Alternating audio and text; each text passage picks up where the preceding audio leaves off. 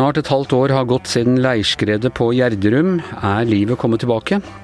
Og strid om Edvard Munch, eller er det Edvard Munchs gamle bilder, ikke innholdet denne gangen, men navnene. Dette er Gjæver og gjengen. Det er onsdag den 9. juni. Og Tone Sofie, eh, dette er du selvfølgelig klar over. Eh, onsdag 9. juni, det er jo også den internasjonale Donald Duck-dagen. Ja, jeg følger jo deg på Facebook, Anders, og det er jeg klar over. Ja, En viktig merkedag i, i, i, i manges uh, sammenheng. Vi har liksom vokst opp med Donald, de aller fleste av oss. Jeg tror selv barn i dag til en viss grad vet ganske godt hvem Donald Duck er, tror du ikke det? Jo, jeg har inntrykk av det, men den der kjøpe blad eller abonnere på blad, det tror jeg det er lenge mellom at ja. unger gjør. Ja, for Da jeg var barn, så var foreldra mine like bekymra for Donald Duck-lesinga mi som jeg har vært for dataspillingen til ungene mine. ja. De tenkte liksom at hvis jeg fikk Donald hver uke, så ville det bli for mye for lille Anders av uh, amerikansk underholdning, så da ville jeg på en måte bli kulturelt depravert. Så du fikk det én gang i måneden? Ja, eller litt sånn jeg klarte å lure det. Fikk det fra bestemora mi og litt sånn uh, forskjellig. Og komme meg hjem til kamerater. Jeg måtte jo lese, for det var fortsettelsesserier, så jeg måtte lese det hver uke. Har du noen favoritthistorie med Donald? Nei, jeg vet ikke om jeg klarer å huske på det, men eh, jeg var veldig sånn lesehest som barn. Og når de hadde de der historiene hvor Donald gikk inn i et Eh, sånn litterært univers, om det var 'Greven av Monte Cristo' eller hva det nå var, det syns jeg alltid var veldig gøy. Og ikke minst alle de der Donald-aktige omskrivningene av uh, kjente navn og steder. Ja, Nei, og nettopp, og det er jo, det er jo sånn det var en, en portåpner. Altså, jeg mener sånn uh, Skatten på Sjørøverøya, Gullivers reiser, uh, En verdensanseiling under havet. Altså alle de store litterære klassikerne, de møtte jeg først gjennom i sånne Donald-omskrivninger som jeg må si at uh, mora mi som var lærer og tanta mi som var bibliotekar syntes var helt forferdelig banalisering, men som allikevel ble en portåpner. Ja, og som bidrar også med referanserammer, ikke sant. Og det er noe som gjør det i dag av barne-TV? Nei, da, er det, da må du på de voldelige dataspillene med seksualisert vold som problemløser, og det blir noe helt annet. Uh, men du, uansett uh, uh, Over til noe helt annet. Over til noe absolutt helt annet. I januar så gikk altså dette leirskredet på eh, Gjerdrum. Midt i et område som vi liksom regner som noe av det tryggeste her i landet. Vanlige menneskers boliger som bare da eh, bokstavelig talt styrter i jorden. Og du var der ute eh, veldig tidlig, og jeg vet at det gjorde inntrykk på deg?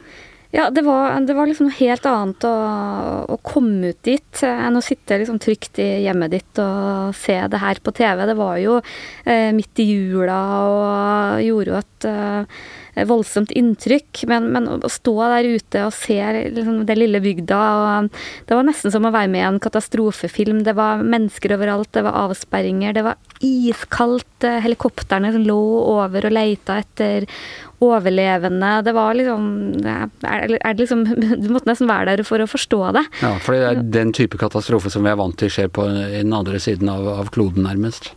Ja, og det var så dramatisk. Det var liksom Det skjedde i firetida om uh, natta. Alt av kraftledninger, vannledninger ble revet av.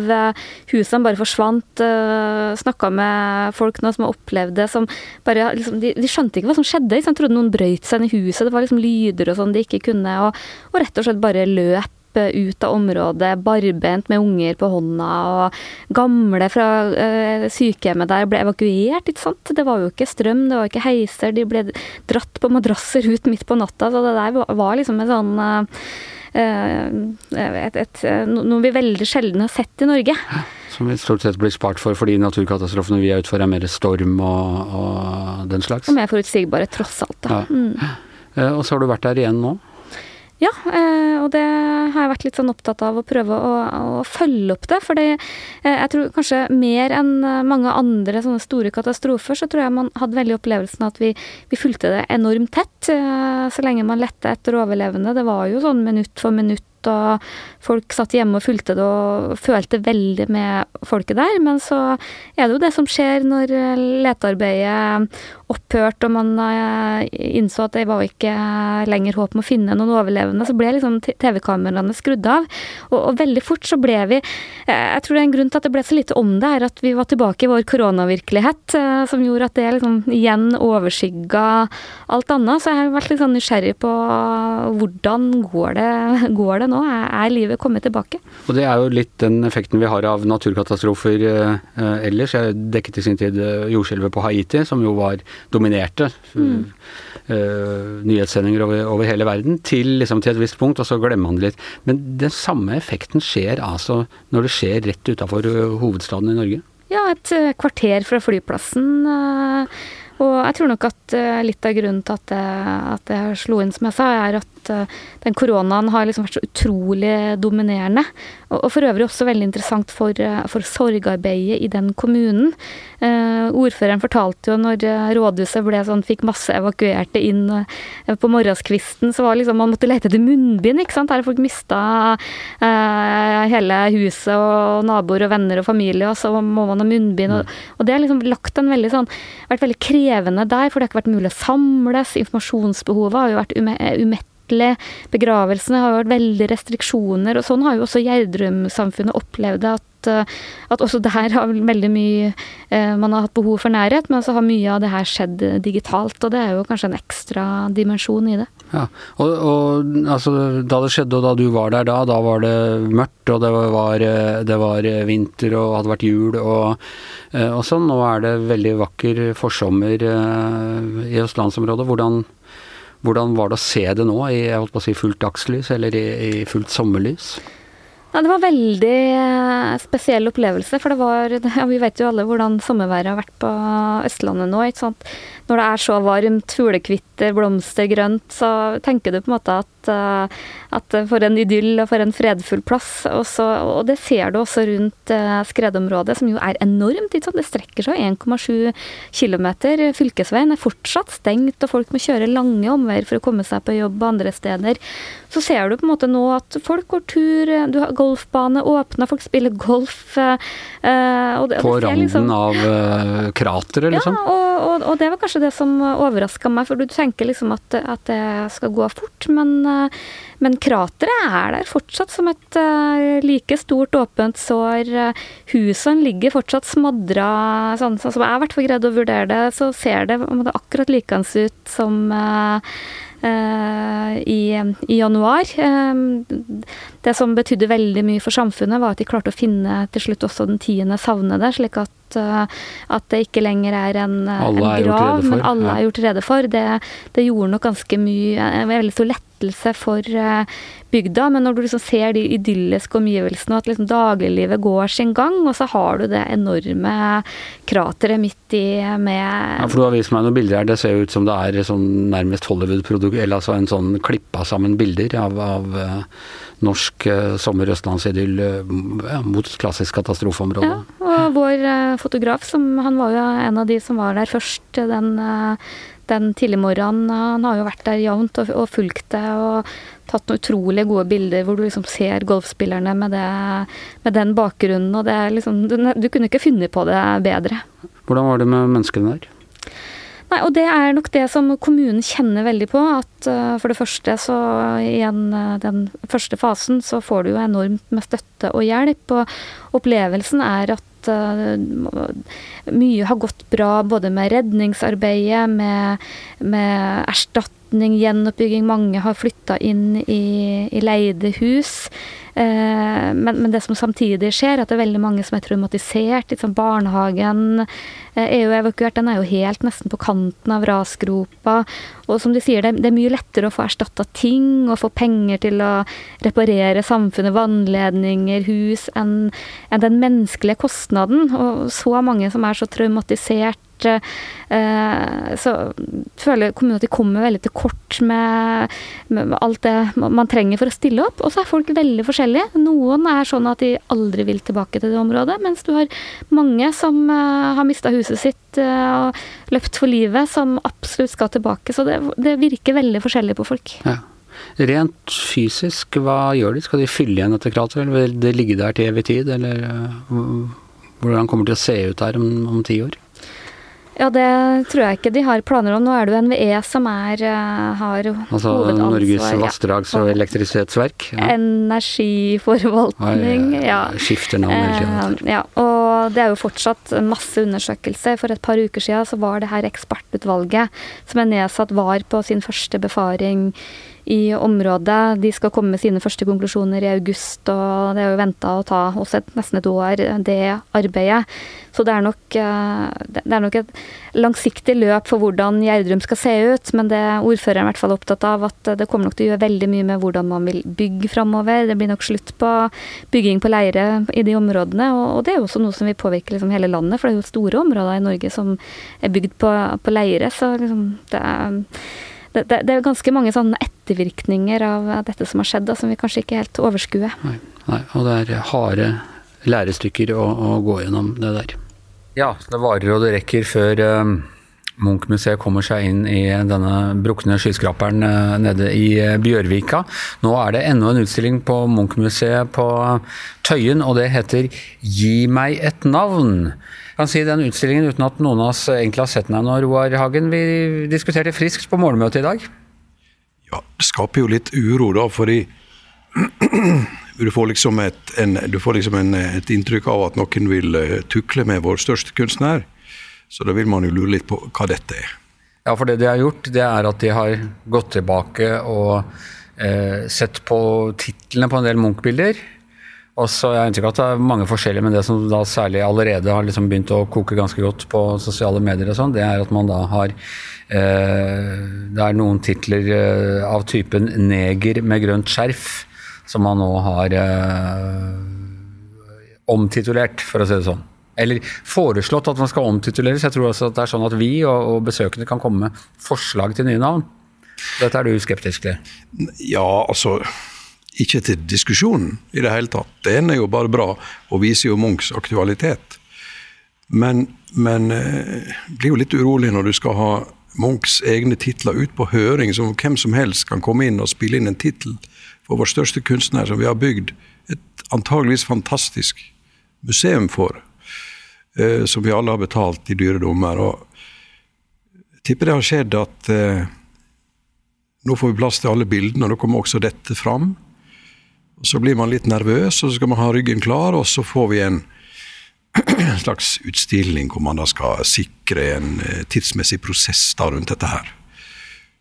Altså, selve stridens uh, kjerne er jo da uh, en uh, mann som het sultan Abdul Karem. som var, så vidt jeg skjønner, en person som jobba for et sirkus i Oslo på tidlig forrige århundre.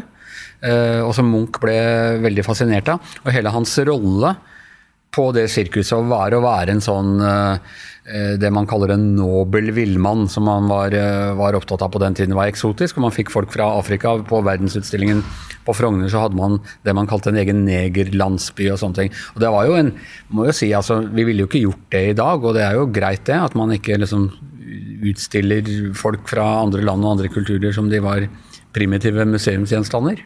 Absolutt. Og eh, det er jo riktig som du nevner at, var, at, tiden var slik at man brukte slike begreper. Men så vidt jeg skjønte, så ble Munch fascinert av denne eh, Abdul Karim.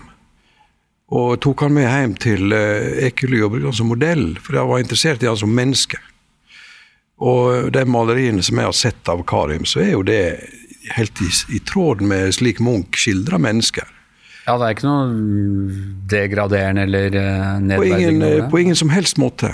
Han står der med sin kropp som andre, og som han maler seg sjøl andre mennesker. Og opptatt av menneskekroppen.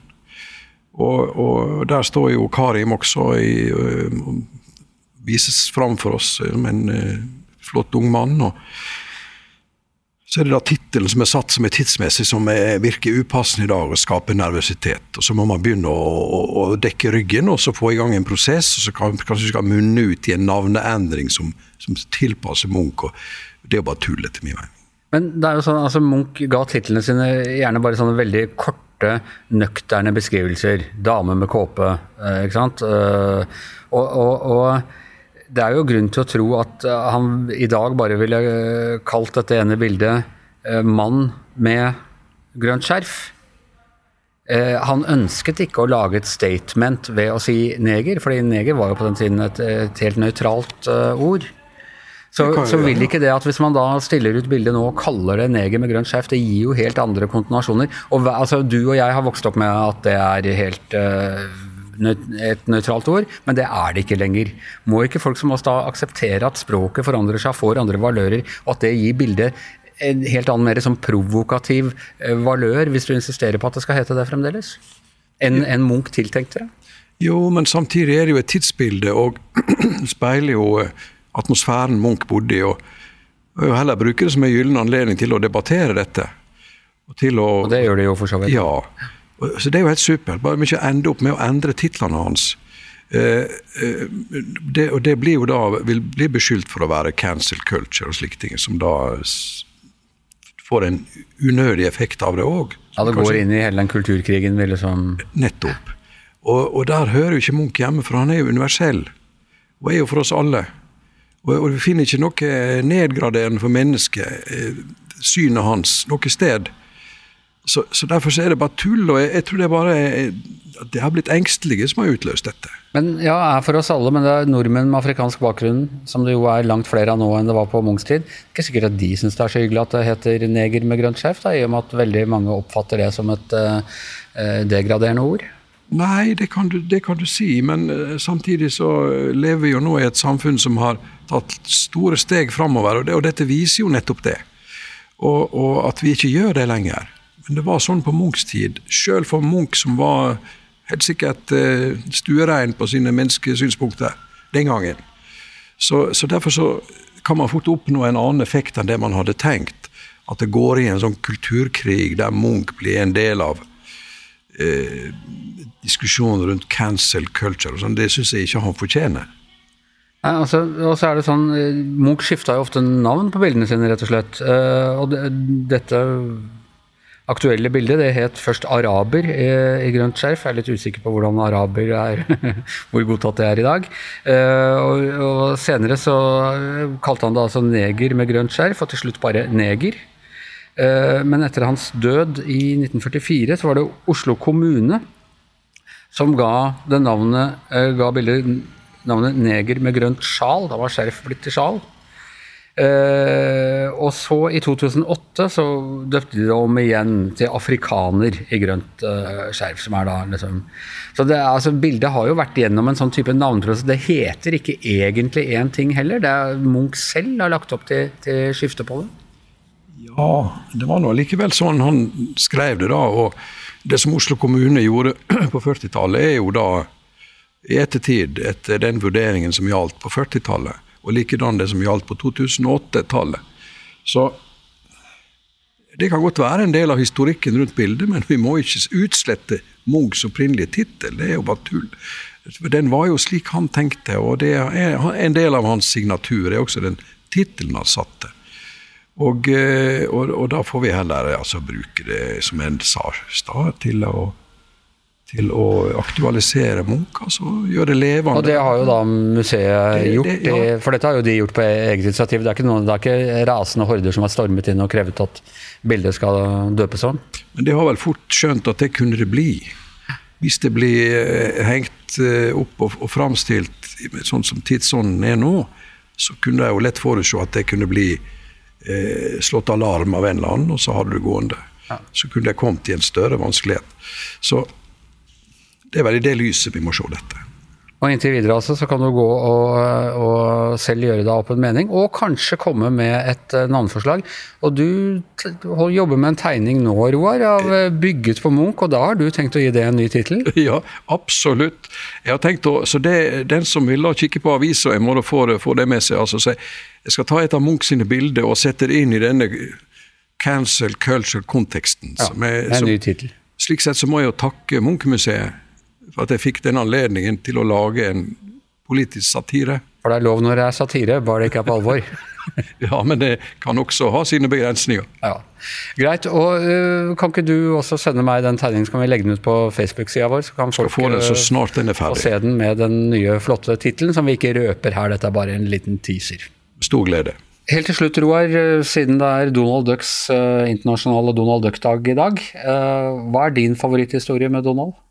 Ser du utfordrer men så kom jeg jo da til å minnes uh, Donald Duck i det gamle California.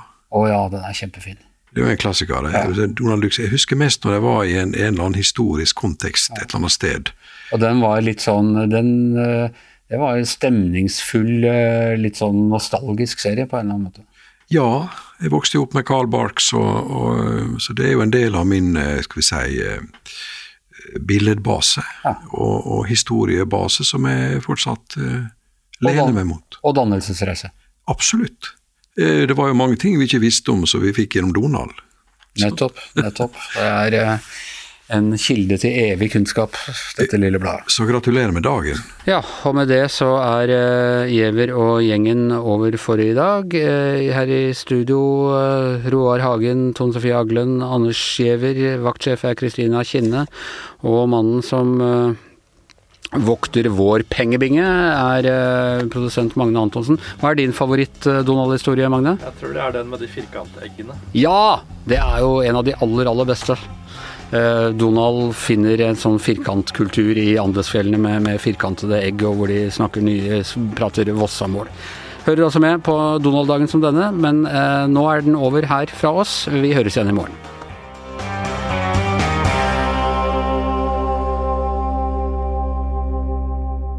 Du har hørt en podkast fra VG.